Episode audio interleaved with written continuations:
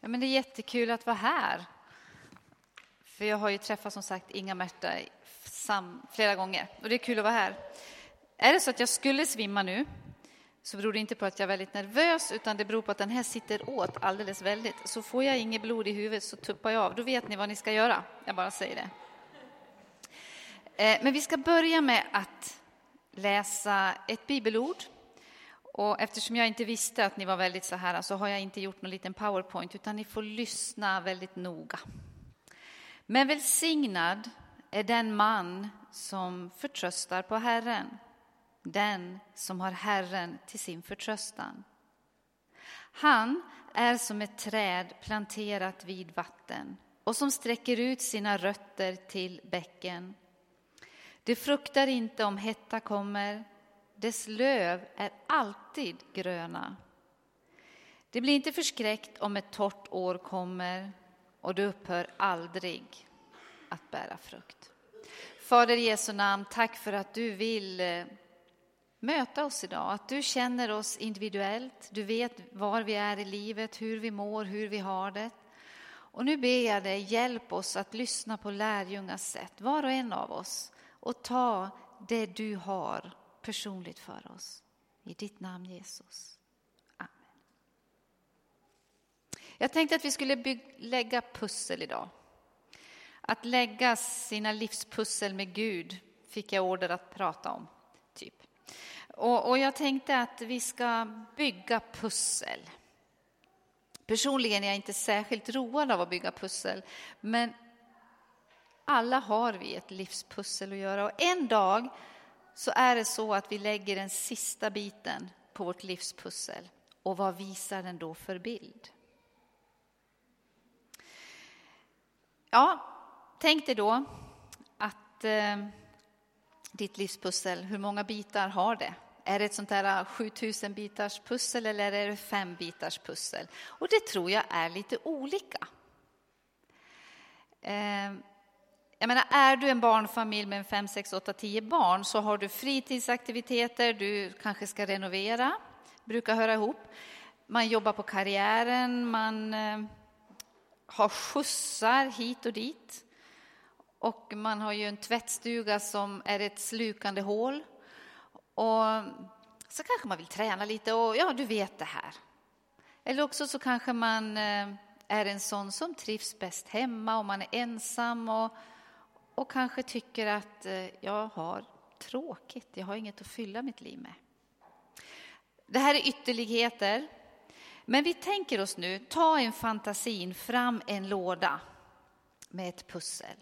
Och på utsidan så är ju bilden på pusslet och det är just den här texten jag läste upp, ett grönskande träd som är planterat vid vatten och som man ser att det verkligen bär frukt. Det är grönskande, det är vackert. Och det bär frukt. Då vet vi att i den här kartongen finns allt det vi behöver för att få fram den här bilden. Det är bra. Och så öppnar vi kartongen.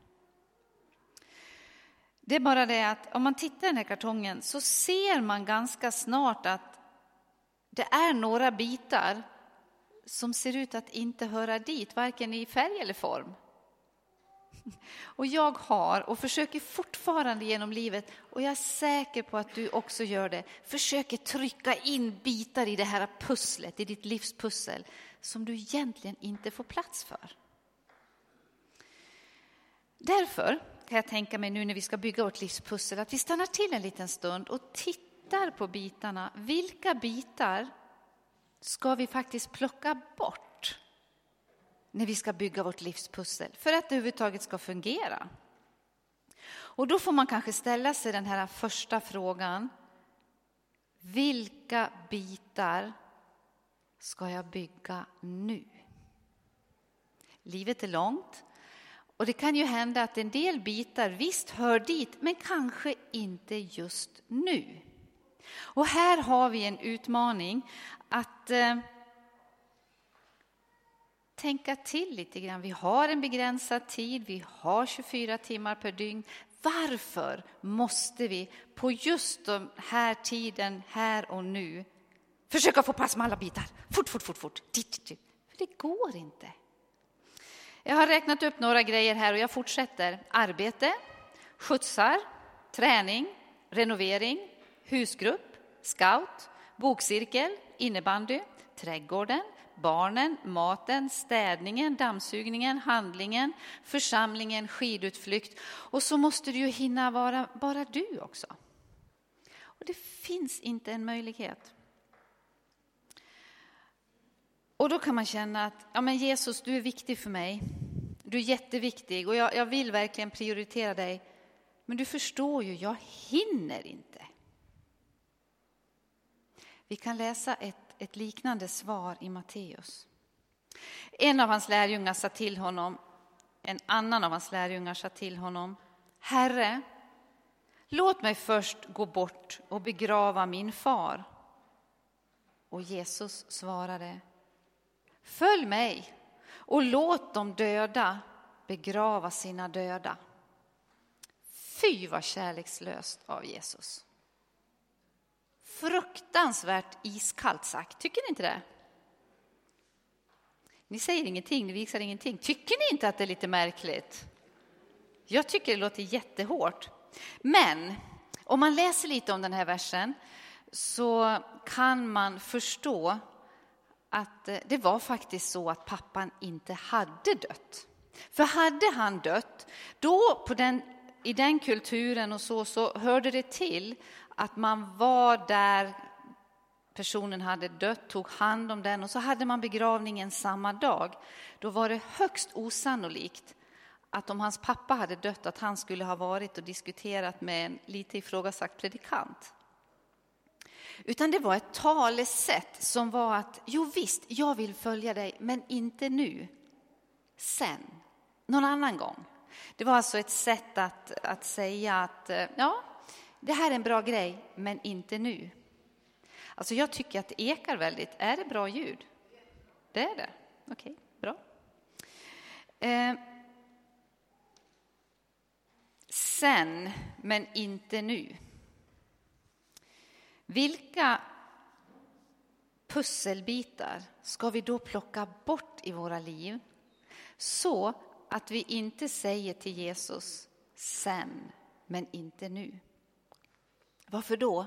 Jo, bara för att det är när Jesus får vara med i vårt livspussel som vi får fram den här vackra bilden. Jesus säger, det står så här i Jeremia. Jag vet vilka tankar jag har för er, säger Herren.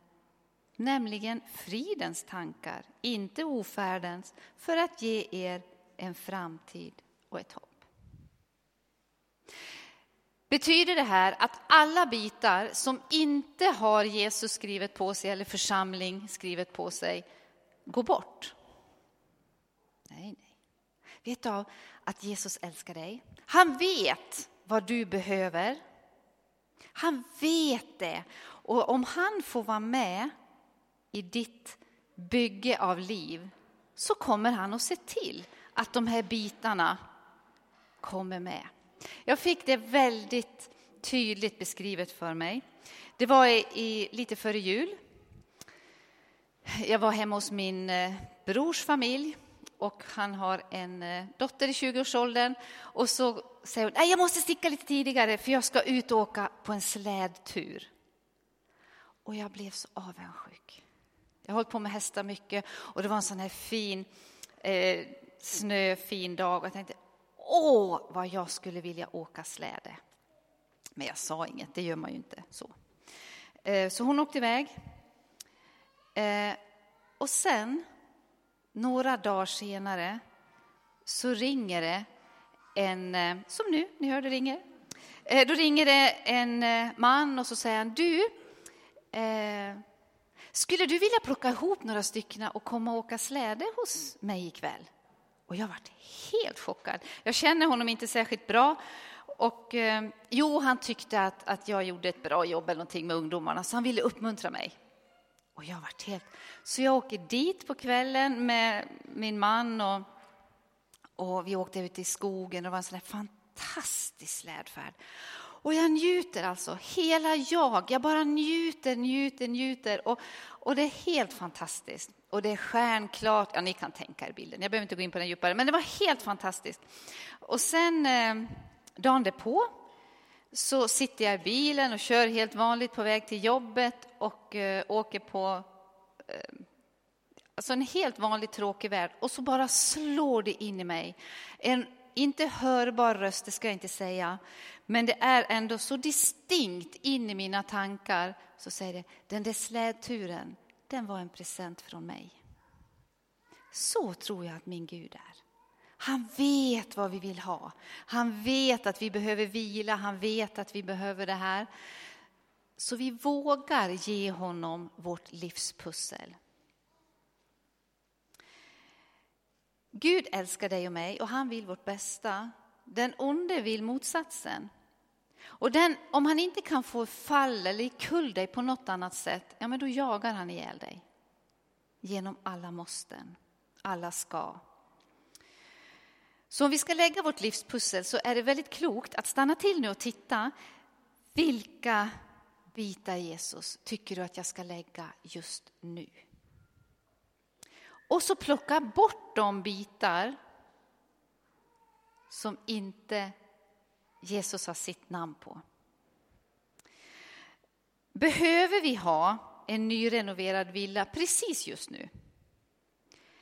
Den mest perfekt tränade kroppen just nu. Det kanske är läge för det nu, då är det okej. Okay. Men om du inte har läge för det så behöver du kanske inte knöra in det precis just här och nu. Ehm, jag berättade i kyrkan i söndags, jag tar det här. Eh, när mina barn var små, jag har fyra stycken, så hade jag den här prestationskraven över mig. Jag var ju hemma, alltså skulle allting vara perfekt. Så när vi gick till kyrkan så hade jag sytt kläder då så att de matchade varann. Eh, frysen skulle ju alltid vara full av hembakat bröd. Jag hade växthus. Och eh, så kom jag på att jag måste ju måla huset. Vi har ju en gård och då måste husen vara röda och fina. Så målar jag dem och så kommer min lillebror och har köpt en sportbil. En eh, frän bil. Det var bara att den var lite sliten i sätet. Han var ju ung, han var ju 18 år, så den var väl inte jättedyr. Så då kommer han och säger, du Mita, du kan inte du sy en ny sportklädsel med lite paspaler och grejer?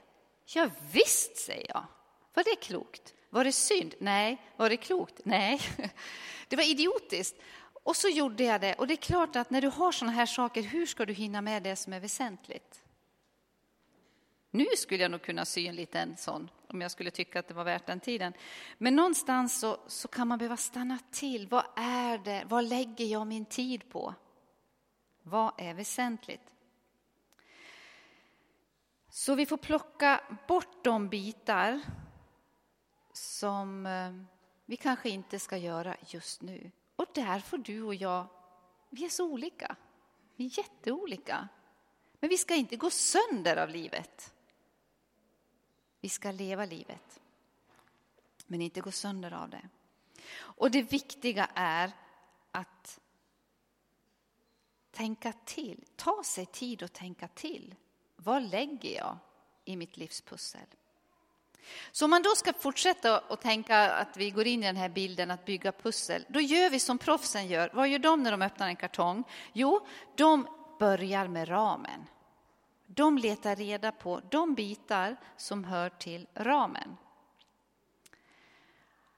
Vilken ram har våra livspussel? Vi läser Paulus beskrivning. Guds rike är inte mat och dryck utan rättfärdighet, frid och glädje i den helige Ande. Vi har alltså en möjlighet att bygga våra liv med en ram av rättfärdighet, glädje och frid. Det duger väl?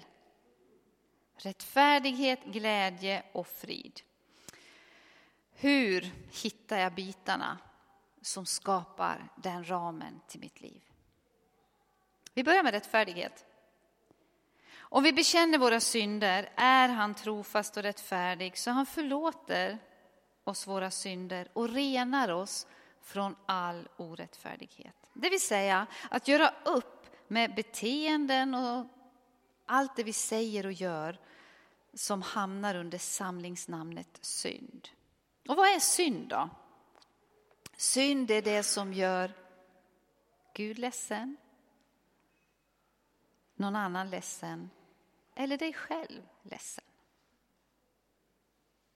Vi har ju gärna målar upp en syndkatalog, men jag tror att, att vi kanske drar ner det lite och titta på just det. När vi gör varann och Gud illa, det är det som är synd. Och det gör vi allihop. Allihopa gör vi fel. Vi, be, vi pratar om andra på ett sätt vi inte, vi kanske tänker om andra som vi inte skulle. Och, ja, men alla gör vi. Jag har precis stulit en penna från Bjärka Säby till exempel, det var inte bra. Alla gör vi synd. Men det är bara att synd kostar och det är du och jag som betalar det. Har du någon gång kört för fort? Säkert inte, ni är väldigt duktiga, men jag har kört för fort. Och jag vet, jag åkte på väg mot Uppsala och så skulle jag ta någonting i baksätet sådär, ni vet. Jag var lite sugen på något. Och då böjer jag mig lite snabbt ner och när jag tittar upp så blixtrar det. Då hade jag missat att det var en kamera där. Och vet ni hur det känns? Om ni någon gång har gjort det så vet ni hur man väntar på att den där böteslappen ska komma. Och, och hur man vet att aj, aj, aj, jag är ju skyldig. Helt uppenbart skyldig. Och, och sådana böteslappar kan vi förvänta oss, för synd kostar alltid. Så fort vi har gjort något dumt så kommer en onde med en böteslapp och det är du och jag som får betala för det. Men så står det så här i Kolosserbrevet. Ni var döda genom era överträdelser och er oomskurna natur, men också er har han gjort levande med Kristus. Lyssna nu. Han har förlåtit oss alla överträdelser och utplånat skuldbrevet, det vill säga böteslappen, som vittnade mot oss med sina krav. Det tog han bort genom att spika fast det på korset.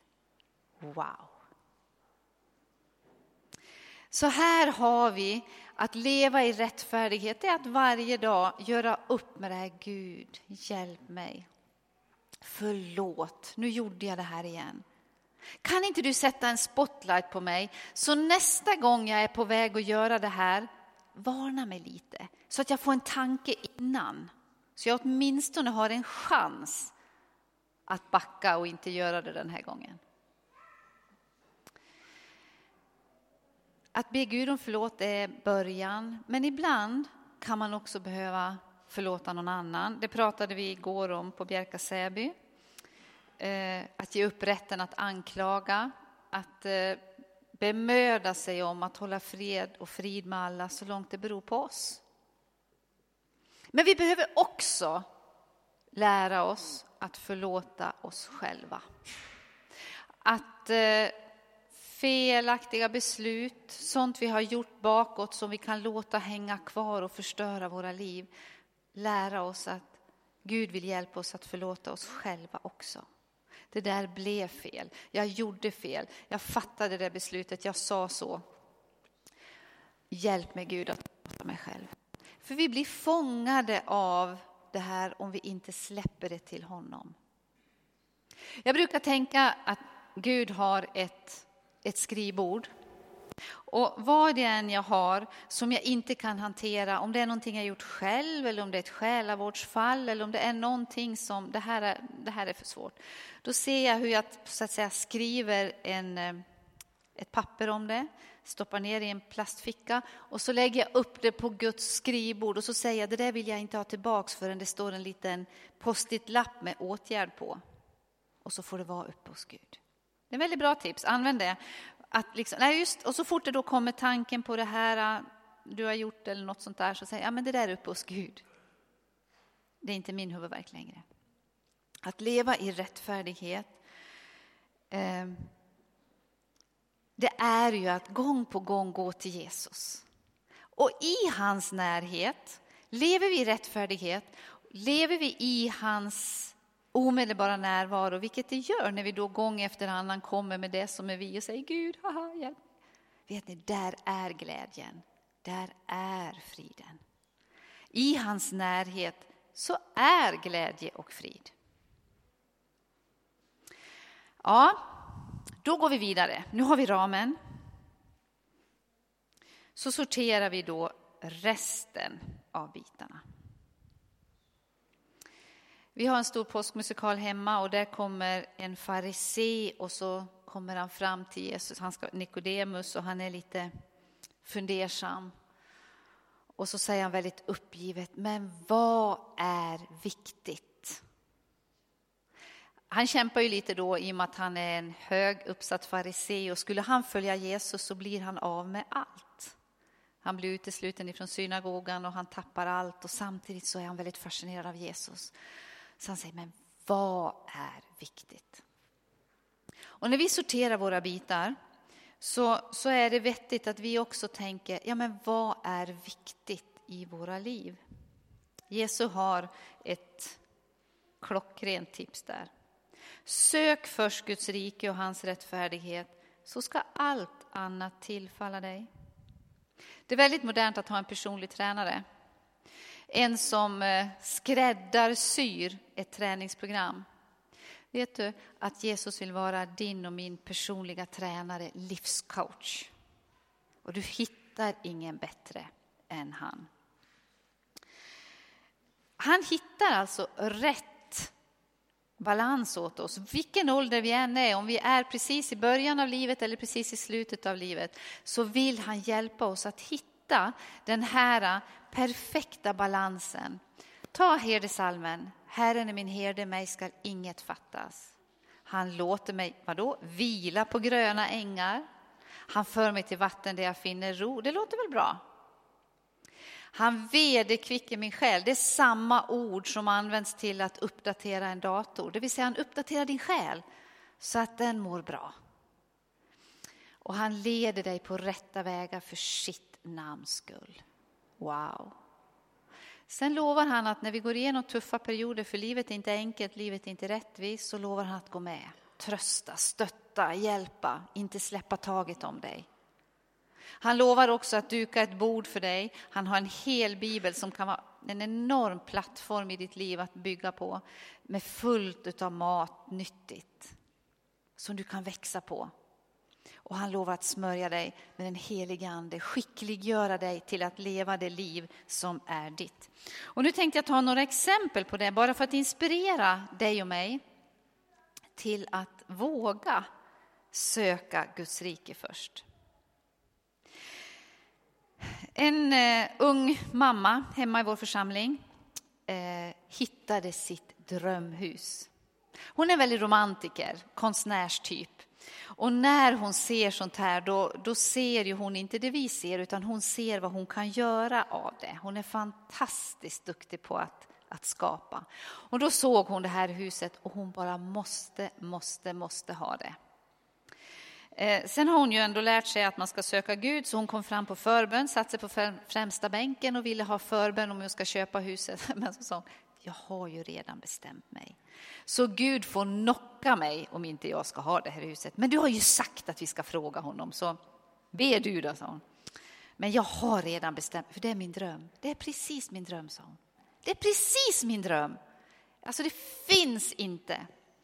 Ja, okej, okay, så det, det blir en utmaning för Gud, men vi tar den. Vi tar den utmaningen. Gud, är det så att det här inte är någon bra idé, då får du knocka, Sara heter hon, då får du knocka Sara med det.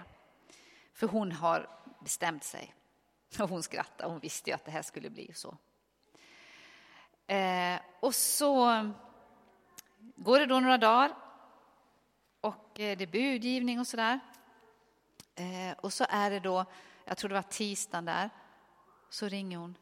Mita, vad är det som har hänt? Jag vill inte ha huset. Vad är det? Vad har du gjort? Och, och liksom så här, ja, men då tror vi väl på det, så jag. Ja, men, men jag, jag ville ju i söndag så här, nu, nu kan jag vara hattig, men det här var väl att ta i.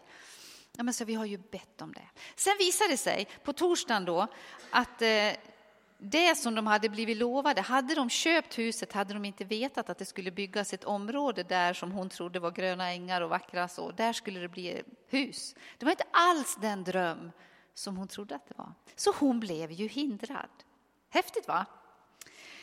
Ehm, men man kan ju också låta bli att lyssna på det här. För många år sedan så hade min man och jag, vi hade företag och så blev han då erbjuden att eh, gå tillsammans eh, med en annan skogsentreprenör och de skulle ha något nytt på gång. Så där, och vi skulle köpa någon ny maskin ihop och så. Och vi blev bjudna hem till den familjen. Fantastiskt trevlig kväll. Och vi fick god mat och det var bara så bra allting. Och Hasse var alldeles lyrisk, det här blir jättebra. Och så sätter vi oss i bilen och så bara känner jag, nej, vi ska inte göra det här. Och jag försökte säga det också. Ja, det, det var ju kul och bra, men, men det blir lite diffust så här. Jag hade ju ingenting att ta på. Siffrorna var bra, budgeten var bra och de var trevliga och så då komma och säga att ja, det bara känns så vi gjorde det och det blev en fullständig katastrof. Det slutade med konkurs och mycket sorg och förtvivlan och min man blev nästan sjuk på det där. Så vi fick en varning, men vi tog den inte. Jag tror att gå med Jesus hjälper oss att bygga livspusslet eh, på ett sätt som, som är mycket lättare även om det är mörkare bilder som kommer fram. Jag satt och läste Bibeln, jag vet inte, har jag hållit på för länge? Nej, jag håller på någon minut till. Några minuter till ska jag säga, så att ni inte lägger av om några. Eh, jag satt och läste Bibeln en morgon och så läste jag den här bibelordet, den rättfärdige behöver inte frukta ont budskap.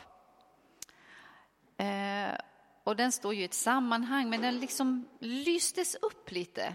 Så jag fick lov att gå tillbaka till den. Jag liksom fastnade i den och tänkte, ja men det här är ju bra. Det är fint. Vilken bra hälsning. Tack ska du ha. Eh, och sen fortsatte jag och så gick det bara någon dag och så fick jag ett brev ifrån eh, lasarettet om att jag skulle komma på, ja, träffa någon doktor och så där, för jag hade varit på mammografi. Och jag var ju helt lugn. Då förstod jag att de bara skulle ta om bilden eller något, för jag behövde ju inte vara rädd för något ont budskap. Så det bekymrade mig inte ett dugg. Så jag åker dit och då visar det sig att jag har en, en cancertumör i ett bröst. Och det är väl ändå ett ont budskap, kan man ju tycka. Så jag tittade upp på Gud och sa för mig själv, för jag hade ju läkaren framför mig, jag tänkte, hallå, det där är ett ont budskap. Du skulle inte vara rädd för det, kommer tanken. Nej, just det. Jag skulle inte behöva vara rädd för det onda budskapet. Hmm, så. så när hon, hon, berättade det tre gånger för mig, för hon trodde inte att jag begrep. Eh, och ja, jag har förstått, men jag tänker inte vara så rädd. Och eh, när jag kommer hem och berättar det här så är min svägerska hemma. Och hon eh, blir naturligtvis chockad och börjar be för mig. Du, sa hon, jag får ett, ett, ett eh, bibelord i huvudet. Känner du igen det? Eh, den rättfärdige behöver inte frukta ont budskap. Ja, sa det känner jag igen. Sen morgonen på, då ringer min andra svägerska och hon är arg, hon är väldigt känslig människa. Så här. Hon är arg på Gud och arg på allt för att det här har fått ske. Jag skulle precis börja som föreståndare, det var fel tid och, och hon är med i styrelsen och böket och allting var bara fel. Hon var arg på Gud och hon spottade och fräste. Och jag har skrikit till Gud, sa hon, men jag får något i huvudet. Är det ett bibelord? Ja, vad är det då, sa jag. Ja, men det är någonting om att att man ska inte behöva vara rädd för ont budskap. Är det ett, är det ett bibelord? Någonting? Ja, så ja, det är ett bibelord. Vi har fått det tre stycken nu på några dagar, så jag tror på det. Och det här gjorde ju att genom hela tiden utav cellgifter och allt det här så var jag ju förberedd. Jag behövde inte vara rädd. Och slipper man ångest så är ju en sån process så mycket enklare. Så jag tror att bygga sitt livspussel med Jesus betyder inte att det bara blir ljust och glatt och enkelt, men det betyder att han går med, att han förbereder oss, att han hjälper oss när vi prioriterar honom. Och hur gör man det? Jo, men man ser till att man får in honom i sin vardag. Eh, I min ålder så har jag många som jag var vi har fått barn i samma ålder och så. Och de är så besvikna och förtvivlade över att man inte har fått med sina barn. Så du som har barn, se till att prioritera ett vardagsliv med Jesus, för det är enda sättet för att de ska få kvar sin tro.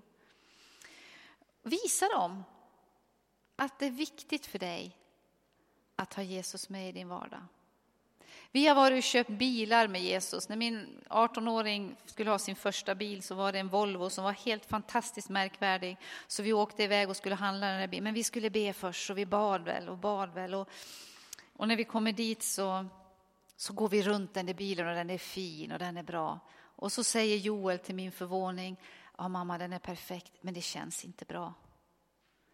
Veckan därpå fick han tag på en ännu finare bil till mycket bättre pris.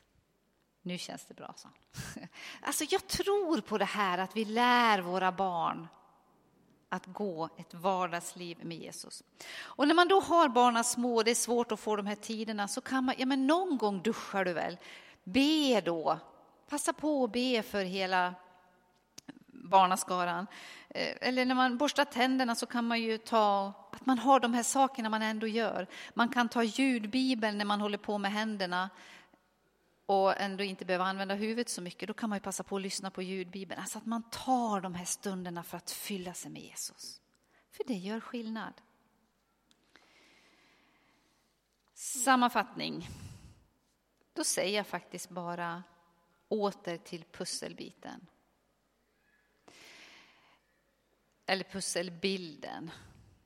Välsignade den man som litar på Herren, den som har Herren till sin förtröstan. Fem minuter om dagen har du och jag då vi bara kan säga välkommen Jesus. Välkommen in i min almanacka. Välkommen in i min familj. Välkommen in i mina relationer. Välkommen Jesus. Och så sitter du där i fem minuter eller när du går till jobbet eller vad du nu gör och bara välkomnar honom in på varje område av ditt liv. Ge honom rätten att göra skillnad. Och det blir skillnad. Amen.